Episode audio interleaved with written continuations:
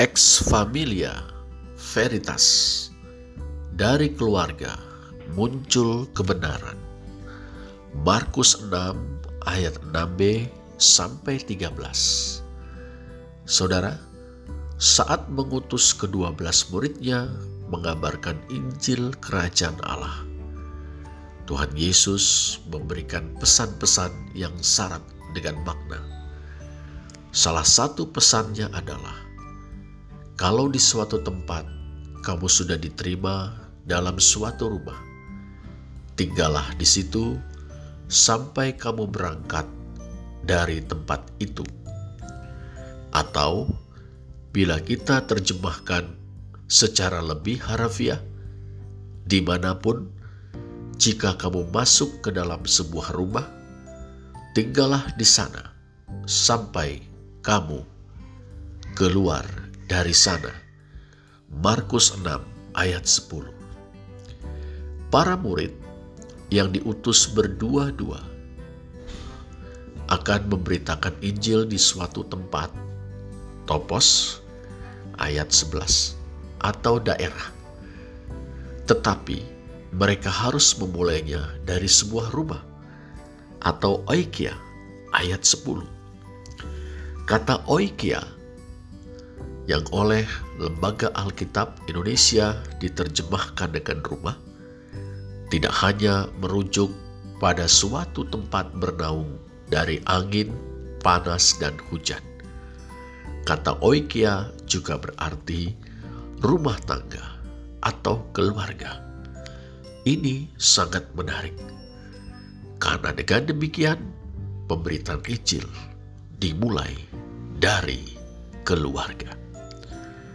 Nah, bila pemberitaan Injil di suatu daerah atau wilayah dimulai dari keluarga, tentulah keluarga memiliki nilai strategis bagi pemasyuran kabar baik tentang kerajaan Allah.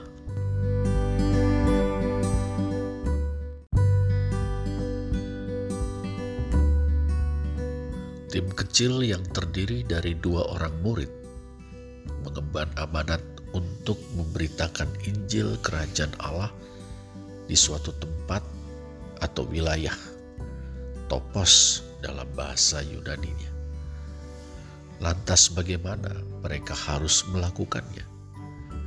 Kita membaca dalam Markus 6 ayat 10, Tuhan Yesus bersabda, kalau di suatu tempat kamu sudah diterima dalam suatu rumah, tinggallah di situ sampai kamu berangkat dari tempat itu. Atau bila kita terjemahkan agak lebih harafiah, di mana pun jika kamu masuk ke dalam sebuah rumah, tinggallah di sana sampai kamu keluar dari sana. Itu berarti kedua murid harus memulainya dari sebuah rumah atau keluarga. Oikia bahasa Yunaninya.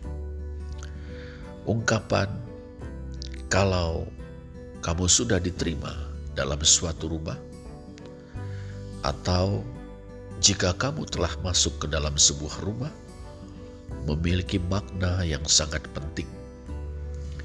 Kedua murid itu masuk ke dalam satu rumah karena tuan rumah, yakni kepala keluarga, telah menerima Injil yang mereka beritakan.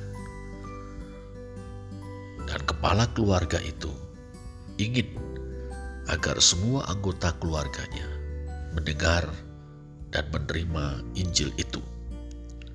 Jadi, setelah tuan rumah menerima Injil, selanjutnya kedua murid itu harus mewartakan Injil kepada nyonya rumah, anak-anaknya, dan semua yang merupakan bagian dari keluarga itu.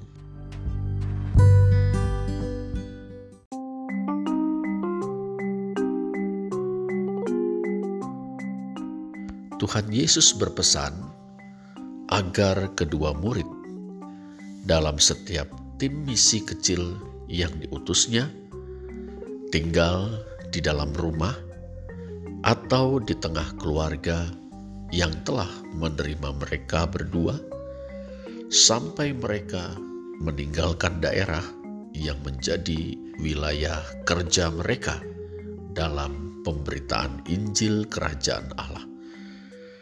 Pesan ini sangat penting, bukan semata-mata menghargai keramah tamahan tuan rumah yang berkenan menerima mereka, bukan juga semata-mata soal menyambut kebaikan hati yang membuat hidup mereka terpelihara untuk beberapa waktu lamanya.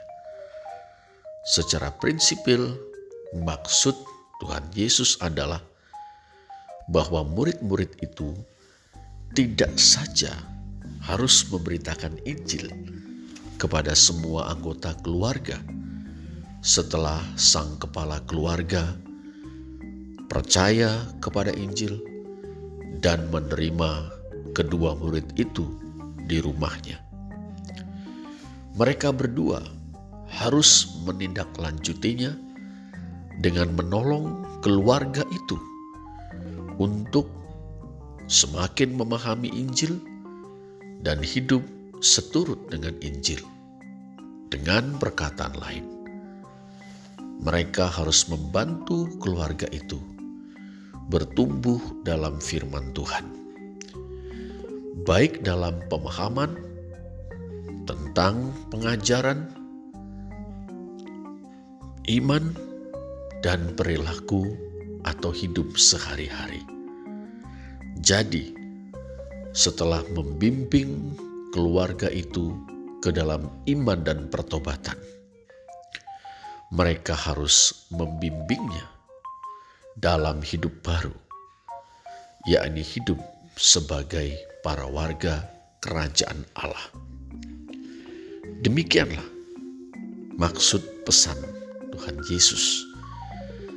Penginjilan, pembinaan, dan mentoring. Itulah yang mesti dikerjakan oleh murid-murid dalam setiap tim misi yang diutusnya.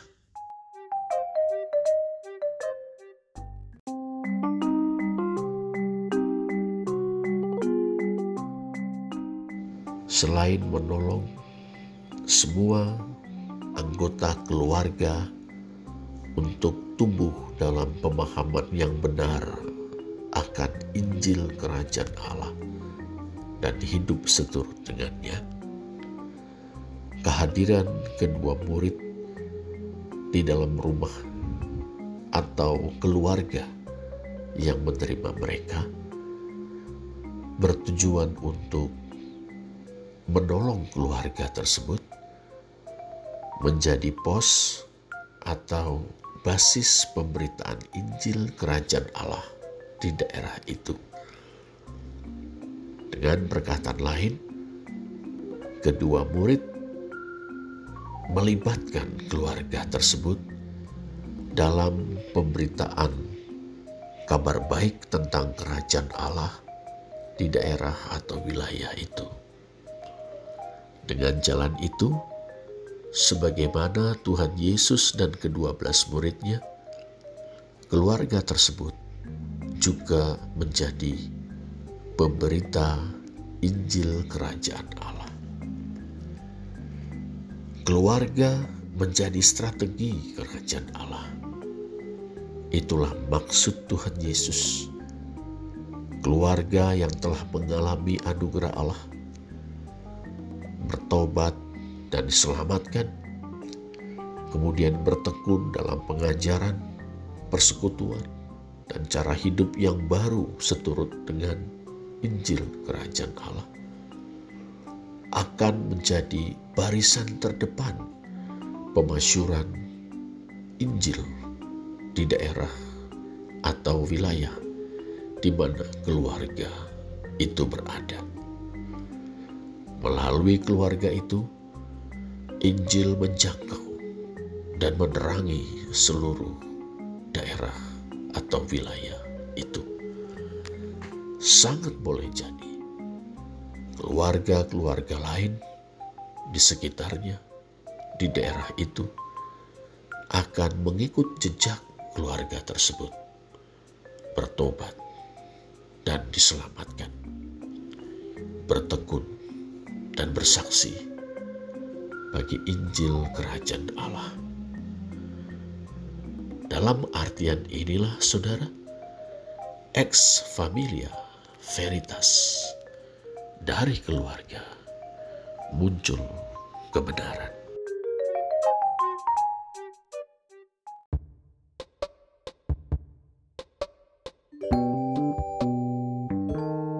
Saudara, kata orang, sekarang ini kita hidup di era post-truth, era pasca kebenaran. Suatu era di mana kebenaran sepertinya telah tiada, telah menghilang. Justru karena tiap orang atau golongan menyatakan dirinya benar dan menyalahkan pihak lain. Media sosial atau medsos, entah itu YouTube, WhatsApp, Twitter, dan sebagainya, yang seharusnya dipakai untuk memperkuat demokrasi, hak asasi manusia, dan mempererat paseduluran atau persaudaraan. Malah menjadi sarana-sarana penyebar hoax, fitnah, dan hasutan. Belum lagi aneka tanda petik hiburan yang menjanjikan nilai-nilai dan gaya hidup yang berpengaruh negatif bagi kita dan generasi muda kita. Dalam situasi seperti ini, betapa makin pentingnya keluarga keluarga Kristen atau keluarga-keluarga para pengikut Kristus. Di satu sisi, keluarga Kristen adalah tempat untuk mempertahankan memupuk, memperkuat, mengembangkan moralitas, nilai-nilai kita, dan anak cucu kita. Di dalam keluarga, keluarga Kristen itulah cinta dan kasih sayang, penghormatan kepada orang tua, perlindungan kepada anak-anak, solidaritas, kesetiaan kepada pernikahan, kejujuran, dan jerih payah untuk kesejahteraan bersama. Semua diperjuangkan senyata-nyatanya, sehebat-hebatnya dalam persekutuan dengan Tuhan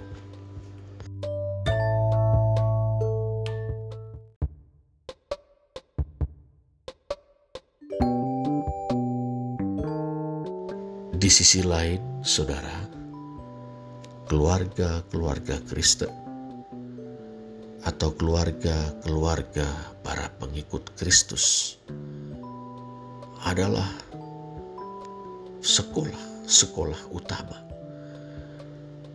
untuk mendidik generasi anak-anak Allah, generasi para pengikut Kristus yang kelak akan menjadi penerus perjuangan gereja, pemasyur Injil Kerajaan Allah, para pelayan Tuhan yang setia, para pembangun dan pembaru masyarakat, para pekerja sosial yang handal, pejuang-pejuang kemanusiaan yang tangguh dan pemimpin-pemimpin bangsa dan negara yang cakap dan terutama berintegritas. Ex familia, veritas, dari keluarga muncul kebenaran. Saudara, mari kita rawat dan pelihara keluarga kita seturut dengan kebenaran firman Tuhan. Mari kita perbaiki apa yang selama ini berjalan secara keliru. Mari kita hangatkan kembali kasih yang mulai menjadi dingin. Mari kita lengkapi apa yang selama ini masih kurang. Mari kita tingkatkan apa yang sampai sekarang sudah baik. Mari, saudara, kita jadikan keluarga-keluarga Kristen kita sebagai basis pemberitaan kabar baik Injil kerajaan Allah yang menjangkau seluruh daerah atau wilayah di mana keluarga-keluarga kita berada.